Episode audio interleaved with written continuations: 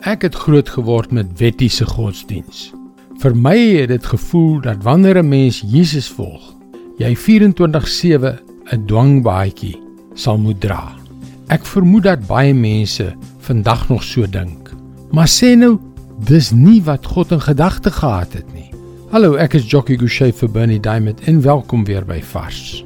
Een van die dinge wat my die meeste van Jesus aantrek, is die feit dat dit nie vir hom oor reëls gegaan het nie. Hy het baie gepraat oor ons verhouding met God en hoe ons die manier waarop ons leef moet verander. Maar hy gee nie hierdie gevoel van 'n klomp rigiede reëls om na te volg nie. Ek dink ons mense kan die neiging hê om die goeie dinge van God te neem en dit in reëls te verander. Godsdiens en reëls gaan blykbaar hand aan hand, maar ek is nie seker of dit is wat God in gedagte gehad het. Party van die mense het Jesus eendag uitgedaag oor die aspek van vas. Ons lees in Markus 2:18 Johannes se disippels en die Fariseërs was besig om te vas.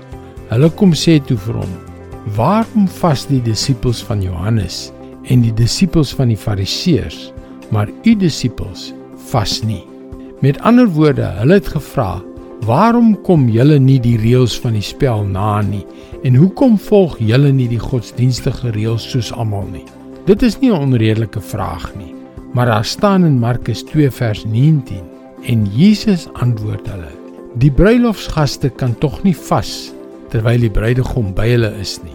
Solank hulle die bruidegom by hulle het, kan hulle nie vas nie.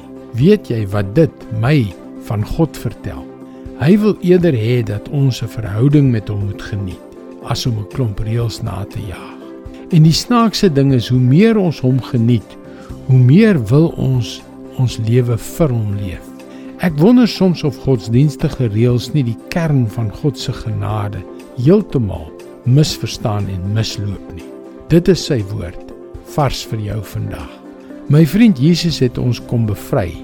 Die opofferings wat hy van ons vra en die veranderinge wat hy wil hê ons in ons lewens moet maak, is bedoel om uit ons liefde vir hom te spruit. Wanneer ons vir hom lewe, is dit veronderstel om te voel asof my kettinge afgeval het en nie nou moet ek in my spoor trap nie. Jy kan ook daagliks boodskappe soos hierdie per e-pos ontvang. Gaan na ons webwerf varsvandag.co.za en teken in. Luister weer maandag op dieselfde tyd op jou gunstelingstasie na nog 'n vars boodskap. Seënwense en mooi loop.